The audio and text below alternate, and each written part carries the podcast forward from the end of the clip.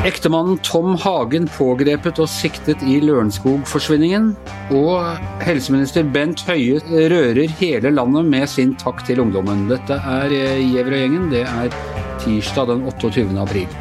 Ja, øh, først og fremst øh, Astrid Mæland. Øh, endelig, altså vi har på en måte lovet en slags utvikling i denne Lørenskog-forsvinningen helt siden saken ble kjent for et år siden.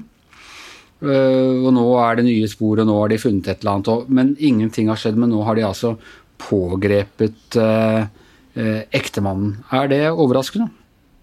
Etter hvert så har jo politiet sagt at de eh, har forkasta de gamle teoriene som de har i begynnelsen. Eh, det er jo 18 måneder siden eh, Anna Elisabeth Hagen forsvant fra hjemmet i Lørenskog.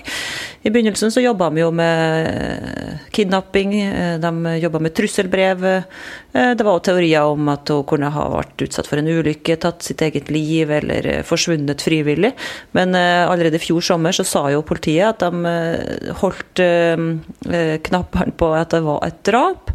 I dag har de altså holdt pressekonferanse og offentliggjort at um, ektemannen Tom Hagen er sikta for drap, eller medvirkning til drap, på sin kone. Og da må jo, uten å spekulere, uten å på noen måte skulle forhåndsdømme eller noe sånt, men det er jo i de aller fleste tilfeller hvor kvinner forsvinner og blir drept, så er det noen i, i nær familie. Det er vel det i de fleste drap eh, i, i det hele tatt. Så det er det er da alt dette rundt da med, med og denne siktelsen som jeg så vidt skjønner også går med på å ha, ha villedet etter, inkluderer å ha villedet etterforskningen. For da, da, må han Hvis dette stemmer, så må han ha hjelp, for han har jo et alibi for forsvinningstidspunktet. Eh, ja, skal vi se. Skal vi begynne med Det er litt mye her, men altså, jeg tror det er to ting særlig som har gjort at etterforskninga har gått i den retninga her etter hvert. De har jo etterforska bredt, så de hele tida sier og snudd enhver stein som de må. Eh, men eh, nummer én er jo det at det kidnapperne var jo stadig vanskeligere å få kontakt med, lot seg nesten ikke kontakt. Og det er jo litt rart med kidnappere som verken ønsker kontakt eller penger. Vanligvis vil man jo politiet tro at de ønsker å bli kvitt gisselet og få pengene og bli ferdig med saken fort. Det var det ene merkelige, tror jeg, som eh, politiet etter hvert begynte å lure ganske mye på. Og det andre er jo det med eh, motiv for drap. Her har jo Tom Hagen sjøl, ifølge VGs dekning tidligere, pekt på lokale som kan ha stått bak det, uten at vi kjenner noe mer til det. Og det tror jeg politiet har etterforska.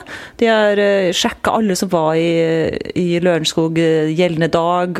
De har eh, sjekka alle lokale, og de har ikke funnet noe motiv. Eh, sånn som du er inne på, Anders, så begynner han jo å lure på hva det kan være, da, og da peker det seg jo i statistisk sett ut et nært familiemedlem ofte.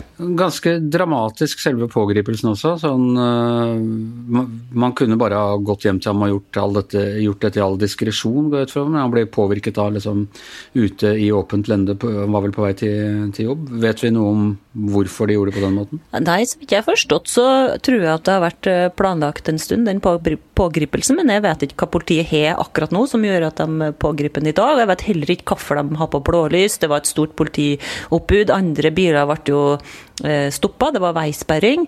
Eh, det gikk jo for så vidt fort. da. I løpet av ett minutt så var han eh, siktede med i bilen og ble tatt inn til nye avhør og fremstilles for varetektsfengsling. Om hans egen bil står igjen der i veikanten.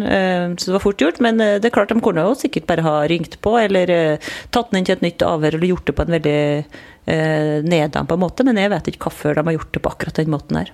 Vi har snakket om denne saken mye også på, uh, på møter og sånn. Det har vært vanskelig for deg og andre å, å kommentere fordi man, man, vet så lite. Og Hans Petter Sjøle, vi har jo dratt paralleller til fiksjonen og til uh, filmen 'Fargo', hvor, uh, hvor, det var en som handler om en ektemann som iscenesetter en uh, kidnapping uh, av, av, egen kone. Dette går på en måte inn i altså, uh, Det var en annen veldig kjent drapssak i Norge på 70-tallet fra Karihaugen, såkalte Karihaugen-drapet. var noe, noe, lignende. Ekte, kvinnen forsvant, ektemannen sto fram i bl.a. VG, og så, og så, ble han senere viste seg at han var skyldig. Dag Solstad skrev en egen bok om det som het 'Forsøk på å beskrive det ugjennomtrengelige'. Dette er jo en egentlig uh, veldig tragisk og på mange måter brutal, men, men, lite spektakulær forbrytelse. Det at en ektemann siktes for drapet på sin kone. Hva er det som gjør at vi blir så opptatt av det, tror du, Hans Petter? Nei, altså Saken her var jo en eh, fantastisk sak i den forstand han var jo en eh, veldig en ganske kjent, rik person da, som, eh, som var involvert. og det, Forsvinninga var jo sånn hun forsvant, og ingen, ingen, hun er ikke funnet ennå. og Det er klart det er masse usvarte, ubesvarte spørsmål eh, fortsatt. Og så er det jo et eller annet med de familiesakene som er Jeg vil jo tro at det veldig mange i hvert fall tenkte at det var en sånn eh, en, en mulig connection med ektemannen hele, hele, veien, da, uh, uten at vi vet noe mer om det nå, for så vidt. Men, men det er jo sånn at du, du nevnte jo Fargo. Du nevnte, det, jo, det Temaet er jo behandla i ekstremt mange, mange kulturelle sammenhenger. Uh, altså det å ta livet av ektefellen sin. Så, så jeg tror nok veldig mange underveis har hatt de tankene da, om det her. Men som sagt, vi, vi vet jo ennå ikke hva som har skjedd, og vi vet jo ennå ikke om hvor mange som er involvert, eh, om det er noe kidnapping ute og går. ikke sant? Og da, Derfor kanskje mange det ser ut til at det flere i hvert fall har vært involvert. Da, da var det kanskje mange som tenkte på Fargo, som jo er en sånn kidnappingshistorie eh, som ender opp i et drap. Eh, det er halvannet år siden hun forsvant, eh, Astrid, og går ut fra at politiet har vært under et visst press fra oss i mediene og sikkert eh, fra, fra påtalemyndigheter og sånn også, til å uh, komme opp med, med, noe. Er det Hvor stor er faren, tror du, for at de har uh, At de over... Altså, når når man ikke har funnet ut noe før nå, så vil jo de aller fleste spor være kalde. Ja, nå sier jo politiet i dag at de skal etterforske for fullt videre. Blant annet så har vi jo, som Hans Petter sier, ikke funnet Anna Risbeth Hagen. Eh, og jeg syns det høres ut som på pressekonferansen på, på, måten de svarer på spørsmål på, sånn at de ikke har noe smoking gun eh, i den saken der. De snakker om indisiekjede. Altså eh, det er den samla oversikten de har over hva som har skjedd, som får dem til å gå ut med, med det her, og som får dem til å sikte Tom Hagen. Så det kan jo godt hende at, at de fortsatt leter etter den rykende pistolen, da. Eh, det ville vært særlig viktig selvfølgelig å, å, å funne Anne Lisbeth Hagen. Det ville gjort saken eh, antageligvis mye enklere. Men ja, det er et godt spørsmål. Jeg vet ikke hva de sitter på av bevis, og jeg vet heller ikke hvorfor de pågrep Tom Hagen akkurat i dag. Men det er klart at det, mm, de er jo under et visst press, som du sier, Anders. Og på pressekonferansen i dag så sa jo Tommy Brøske fra politiet og mm, at eh, på en måte at eh, Takk for sist. De har jo blitt holdt for narr, slik de ser det. De blitt lurt, brukt masse tid på å etterforske tull og tøys og oppspinn og falske utpressingsbrev og falske kidnappere, som de nå mener altså da er Tom Hagen sjøl, eller eh, medvirkende, som har sittet og eh, fingert det hele. i Et intrikat spill for å lure politiet eh, og skjule et drap. Det blir, blir spennende å følge den videre, videre etterforskningen der. Eh, en eh, langt mer hyggelig sak. Eh, I går, under pressekonferansen til regjeringen, så tar Bent Høie, som vi må vel si han kanskje ikke har framstått som, altså han har som trygg og rolig gjennom hele denne krisen, men ikke helt mannen av de store ord eller handlingens mann, eller noe sånt, og leser opp en liten tekst, en takk til ungdommen som har rørt absolutt hele landet. Jeg hørte det ikke sjøl, men jeg bare så på Facebook-feeden min plutselig var fylt av alle som eh, delte denne eh, spesielle teksten. Og Per Olav Ødegaard, hva, hva tror du det kommer av at akkurat denne teksten plutselig fenget oss eh, så veldig? Ja, det var jo egentlig en uh, tale han holdt på denne pressekonferansen i går ettermiddag. og Så la han ut denne, la ut hele talen da på um, sin Facebook etterpå.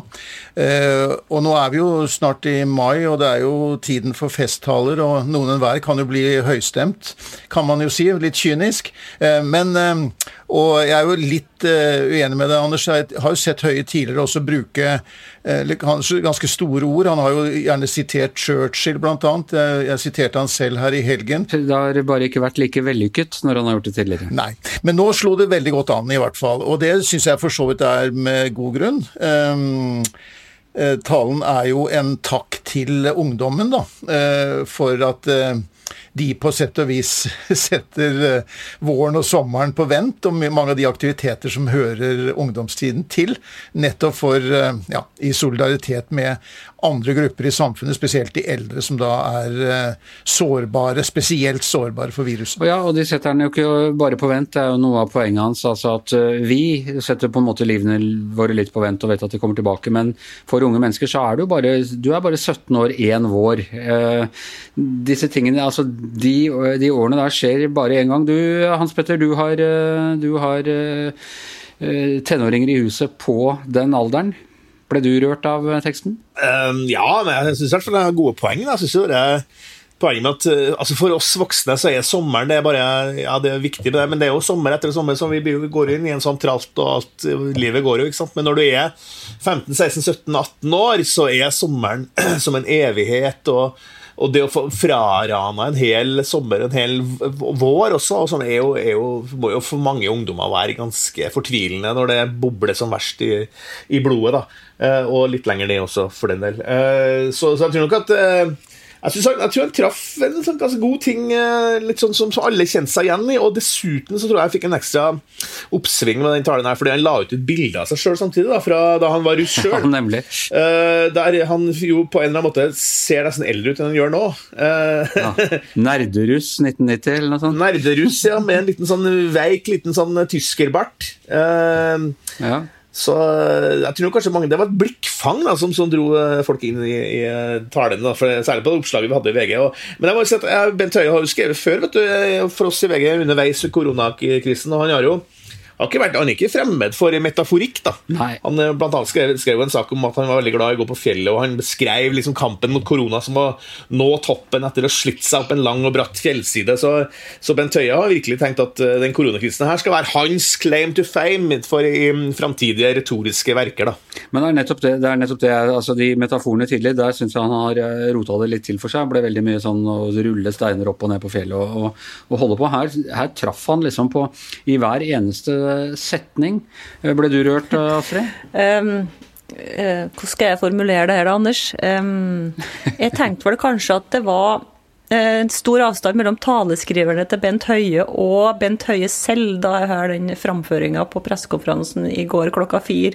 Det var akkurat som om det ikke var han som sa det. og Jeg vet ikke helt hvorfor jeg sier noe så surt som det her, men jeg fikk bare følelsen at det var noen andre som hadde skrevet det.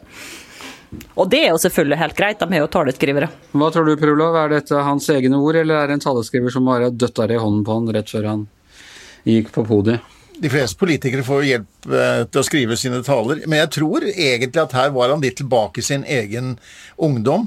Og jeg tror han klarte også å finne tilbake til noe av det som man tenker når man er ung, og det er veldig lenge siden jeg var ung, så jeg skal, må streve enda litt mer enn han kanskje med akkurat det. Men jeg syns det der han snakket om at uh, at uh, vi som er voksne, snakker om neste sommer, som liksom da skal ting bli bra.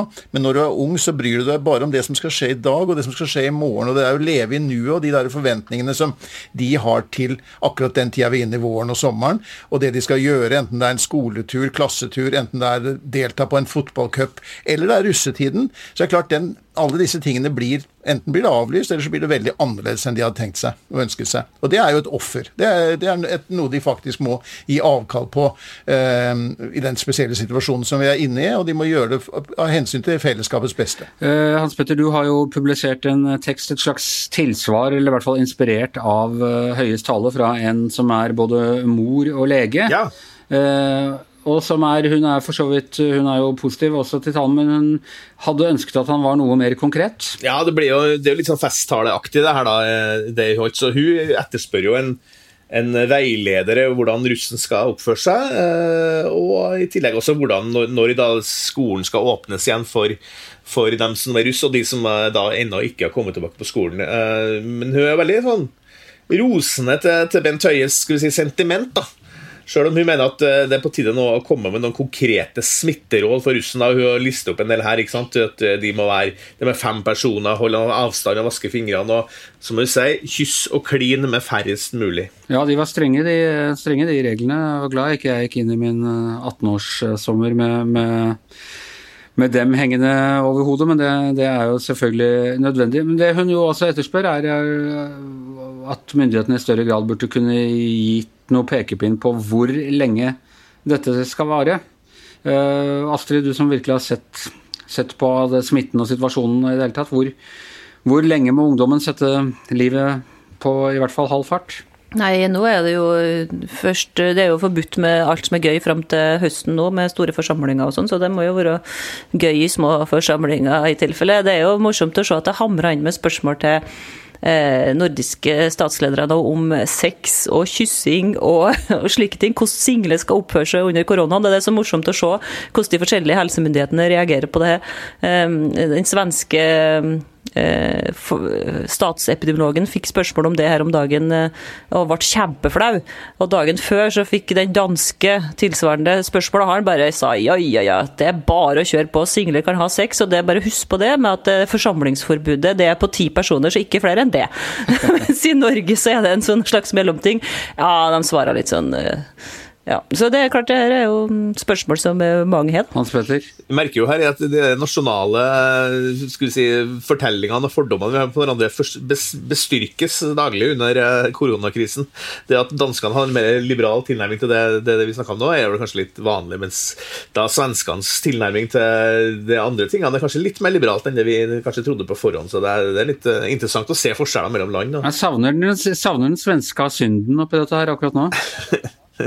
ja, men eh, de har jo synda mye på andre måter i Sverige nå, da. Eh, men, men, jeg må jo si at jeg bare er enig med Bent Høie. da. Syns jo ungdommen har vært helt uh, forbilledlig. Det har vært noen små unntak, selvfølgelig, men det har vært forbilledlig til, til, til, å støtte opp om, om den dugnaden og de tiltakene som er. Altså. Så jeg syns jo kanskje at uh, og de gjør det jo først og fremst som Per Ola sa, først og fremst for den eldre generasjonen. Da syns jeg kanskje at den eldre generasjonen på en eller annen måte må gi litt tilbake til ungdommen etter hvert. da, F.eks.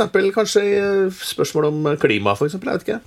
Er, de har noen gode, gode forhandlingskort nå. Jeg, jeg, tror at det der, der, var mye av grunnen til at dette alle, Dette var noe litt uuttalt eh, som trengtes å, å, bli sagt, og han var liksom den, den første som sa det rett ut. Uh, så med det så tror jeg vi erklærer dagens podkast for over. I hvert sitt hjemmestudio Hans Petter Sjøli, Astrid Mæland, Per Olav Ødegård og vår uh, russepresident for evig med dusken full av knuter. Produsent Magne Antonsen. Vi høres igjen i morgen.